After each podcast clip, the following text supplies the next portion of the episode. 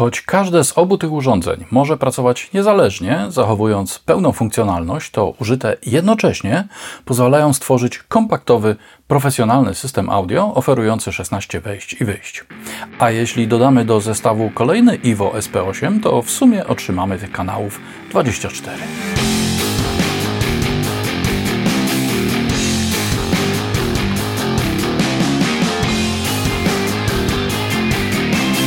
Tomasz Wróblewski, 0db.pl. Co tydzień znajdziesz tu nowe testy, porady i prezentacje z zakresu produkcji muzycznej i pro audio, a także felietony bez kompresji i dekonstrukcje znanych utworów.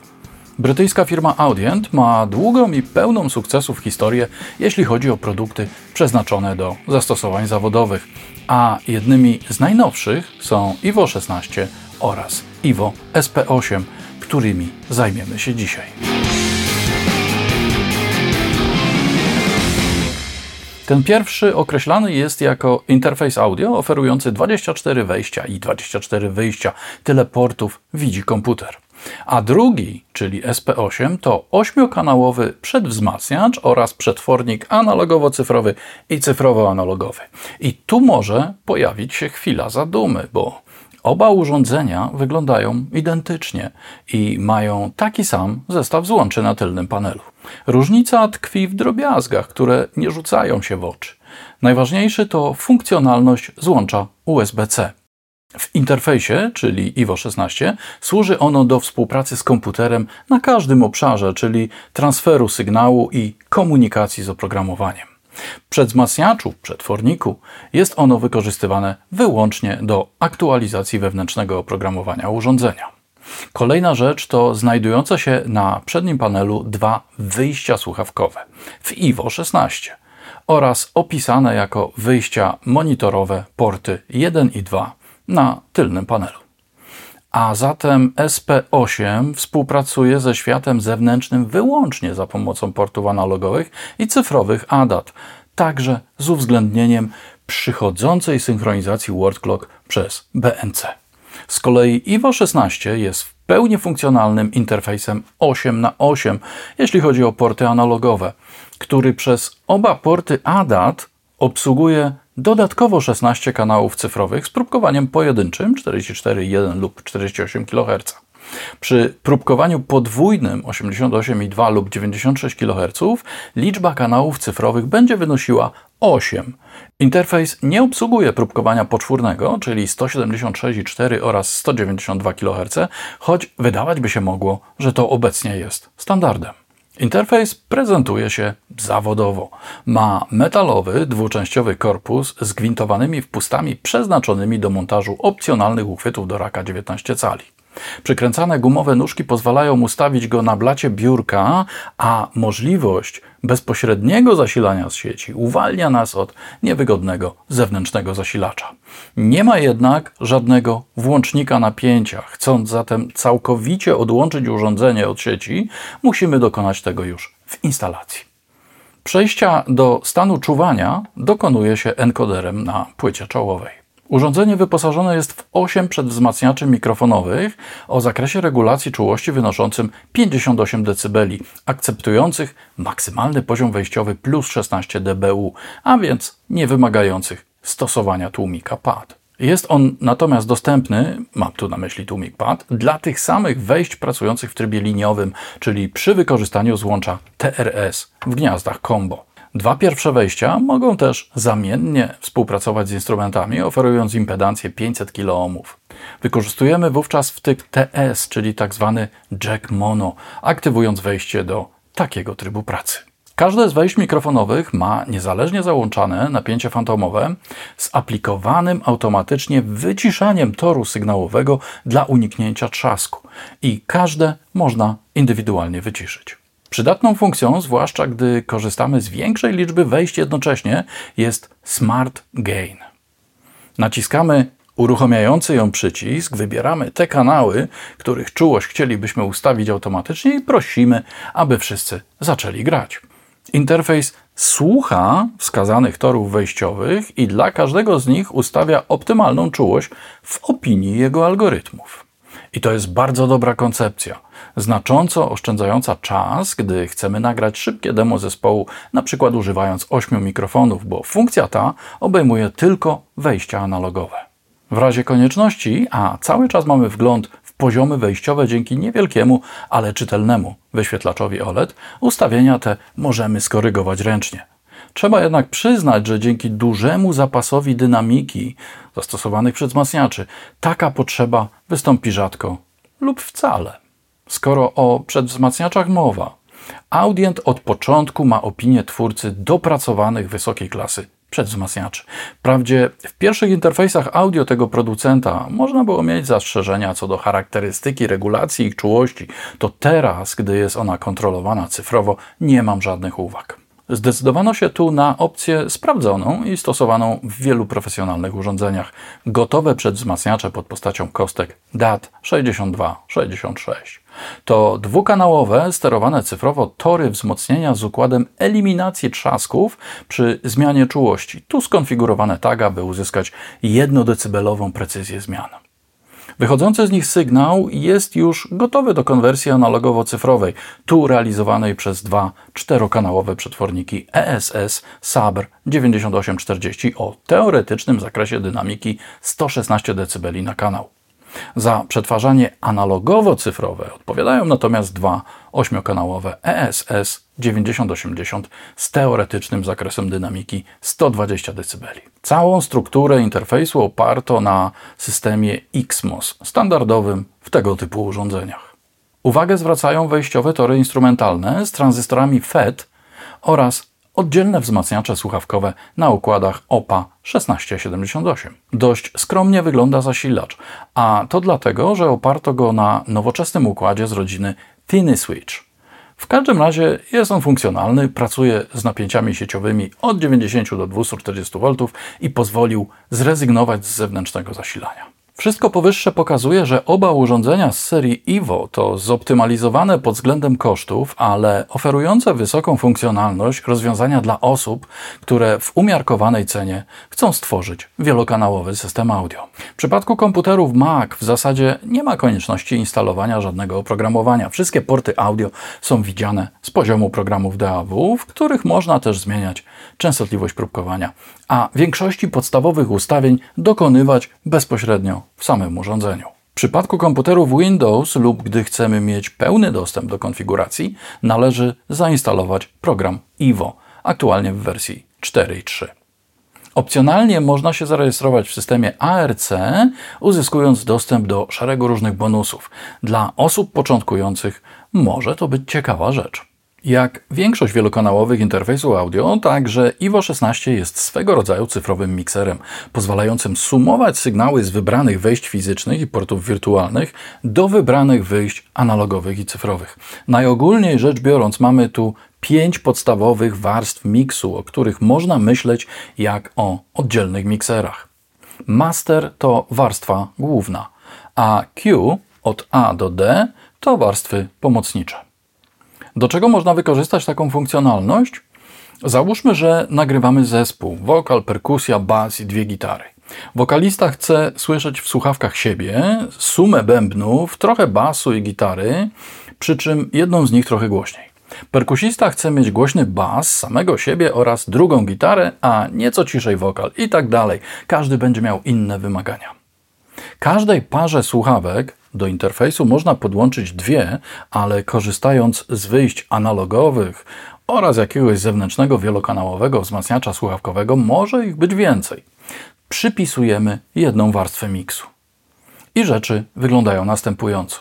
Master to będzie nasz mix, czyli to, co ma słyszeć realizator i z takimi proporcjami, jakie uzna za stosowne. Przy czym nie ma to nic wspólnego z tym, co zostanie nagrane. W komputerze zapiszą się sygnały w takiej postaci, w jakiej wchodzą, jedynie z uwzględnieniem ustawionej czułości.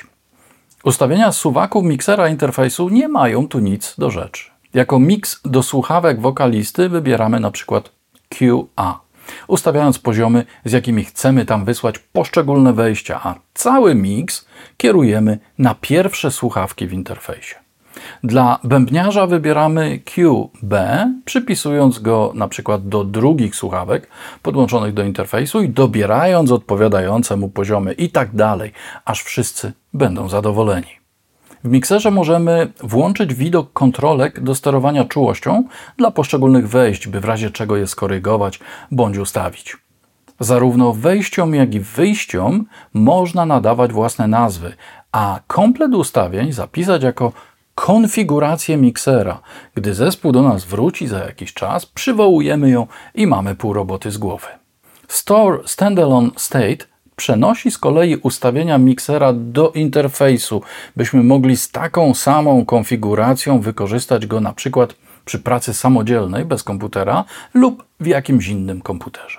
Każdy z miksów można kontrolować w odsłuchu głównym podłączonym do wyjść liniowych 1-2 poprzez wciśnięcie przycisku solo.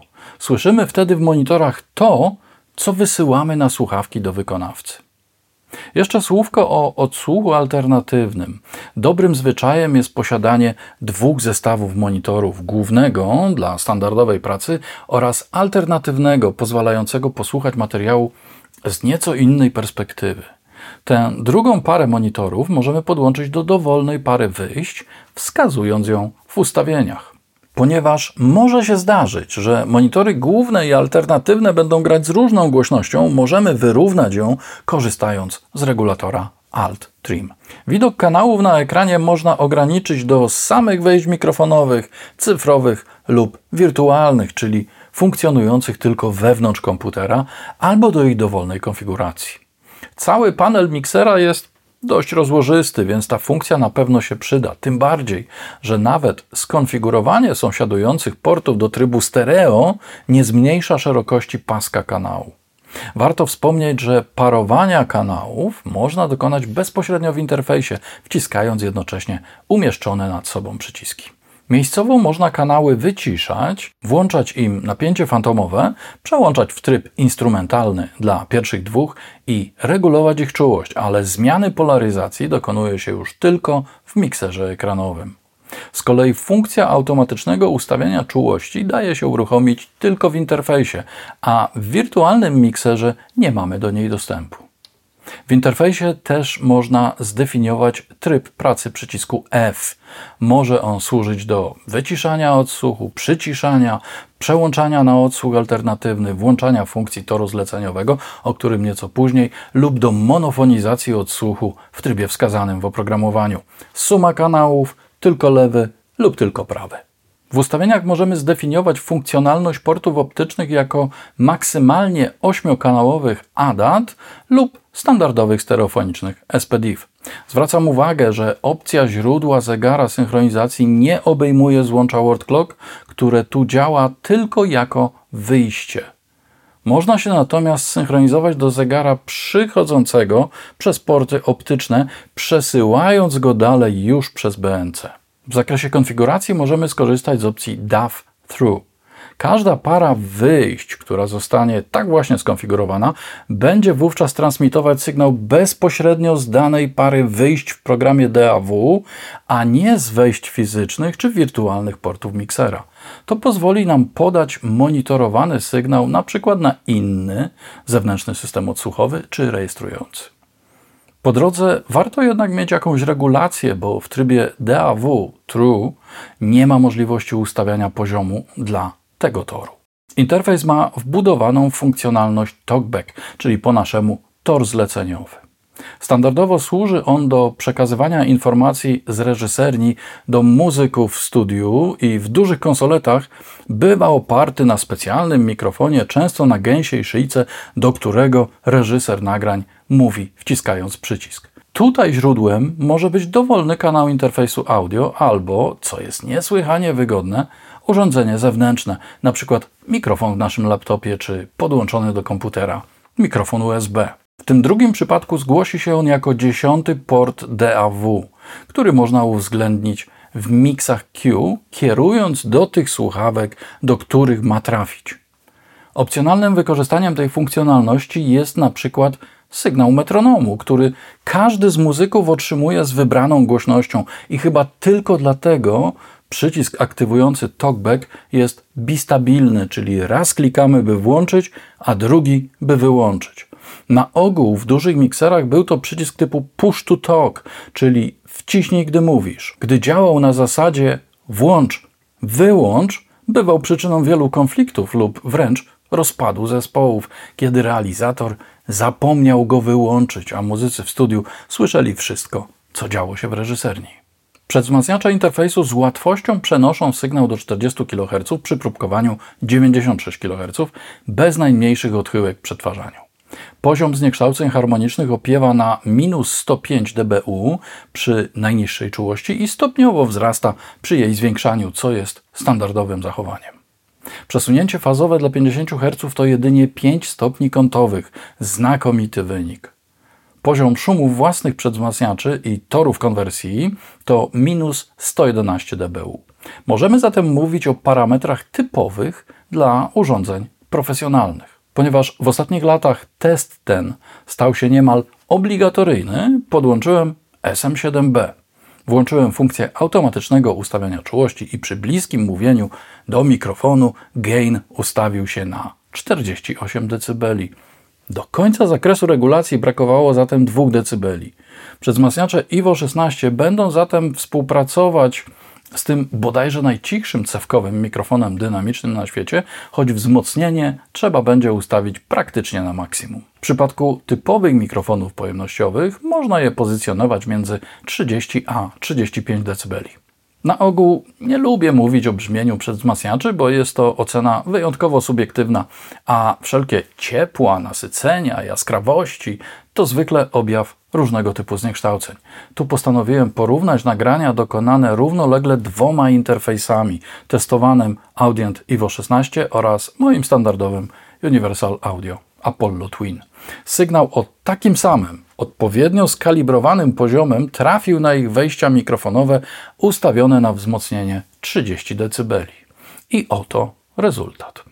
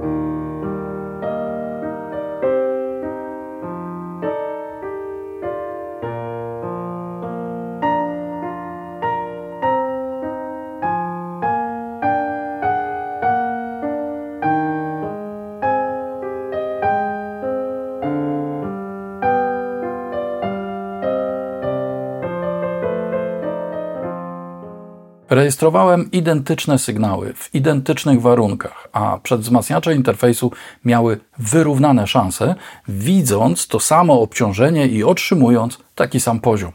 Różnice w nagraniach są, o czym można się dość łatwo przekonać, sumując je z odwracaniem biegunowości.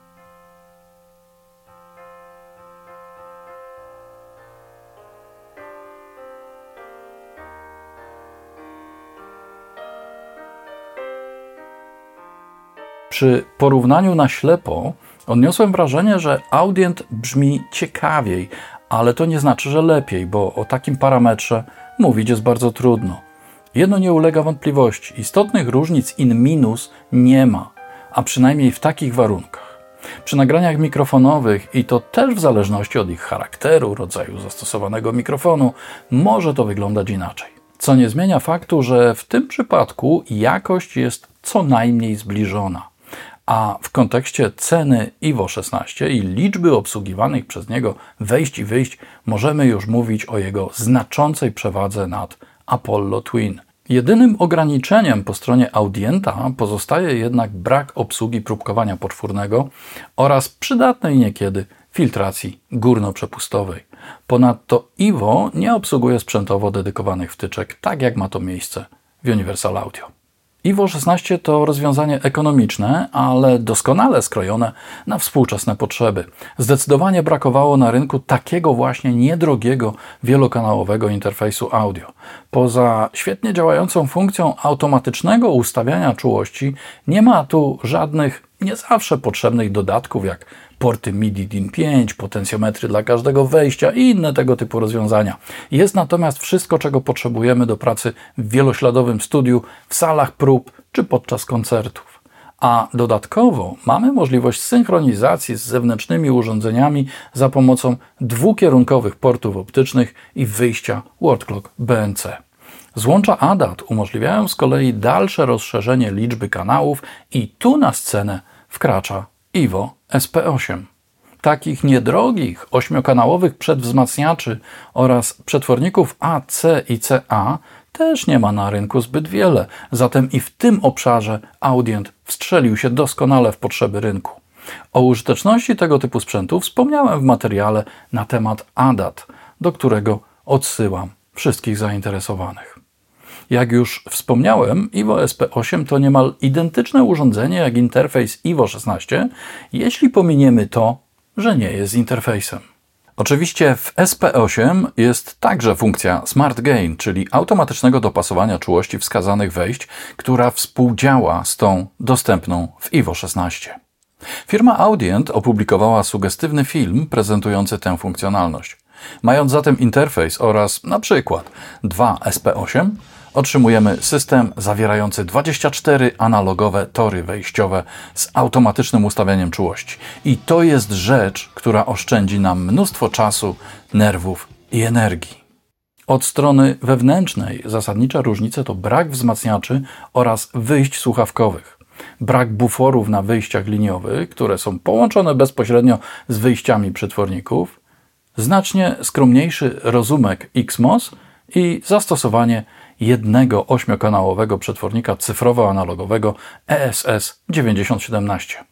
Wyjścia liniowe IVO SP8 nie są zatem ukierunkowane na współpracę z monitorami czy słuchawkami, ale na udostępnienie standardowych sygnałów dla innych zewnętrznych urządzeń, np. mikserów pod kątem zgrań w domenie analogowej, czy zewnętrznych urządzeń analogowych, które chcemy włączyć w nasz cyfrowy system DAW. Na tę właśnie funkcjonalność chciałbym zwrócić szczególną uwagę, bo bardzo mało jest markowych urządzeń, które na to pozwalają. Z tego właśnie powodu nie każdy chce poświęcać cenne tory sygnałowe swoich interfejsów na wykorzystanie ich do współpracy np. z zewnętrznymi kompresorami albo korektorami. Tutaj natomiast, mając interfejs IVO 16 i stosunkowo niedrogi wielokanałowy konwerter IVO SP8, można w bardzo przyzwoitej cenie obudować cyfrowy system rejestracji, edycji i miksowania o zewnętrzny sprzęt analogowy. I wiecie co? Bardzo mi się ta koncepcja podoba. Nie można powiedzieć, że system IWO to rozwiązanie budżetowe, bo z tym określeniem wiążą się na ogół niezbyt pozytywne skojarzenia. Ja nazwałbym go ekonomicznym i dopasowanym do potrzeb zdecydowanej większości tych użytkowników, którzy już nie są amatorami, ale nie mają też wysokoprofilowego studia opartego na przykład na systemach Pro Tools HDX. Powiedzmy, że nagrywamy zespoły i udało nam się uskładać trochę ciekawych urządzeń analogowych. Do tej pory używaliśmy ich wyłącznie na wejściach podczas rejestracji, a przełączanie ich do pracy nad miksem było zbyt pracochłonne i wymagało zbyt wielu wejść i wyjść, których w naszym interfejsie zwykle brakowało. Mając oba urządzenia IVO 16 i SP8, a najlepiej dwa SP8, możemy zacząć działać ze znacznie większym rozmachem.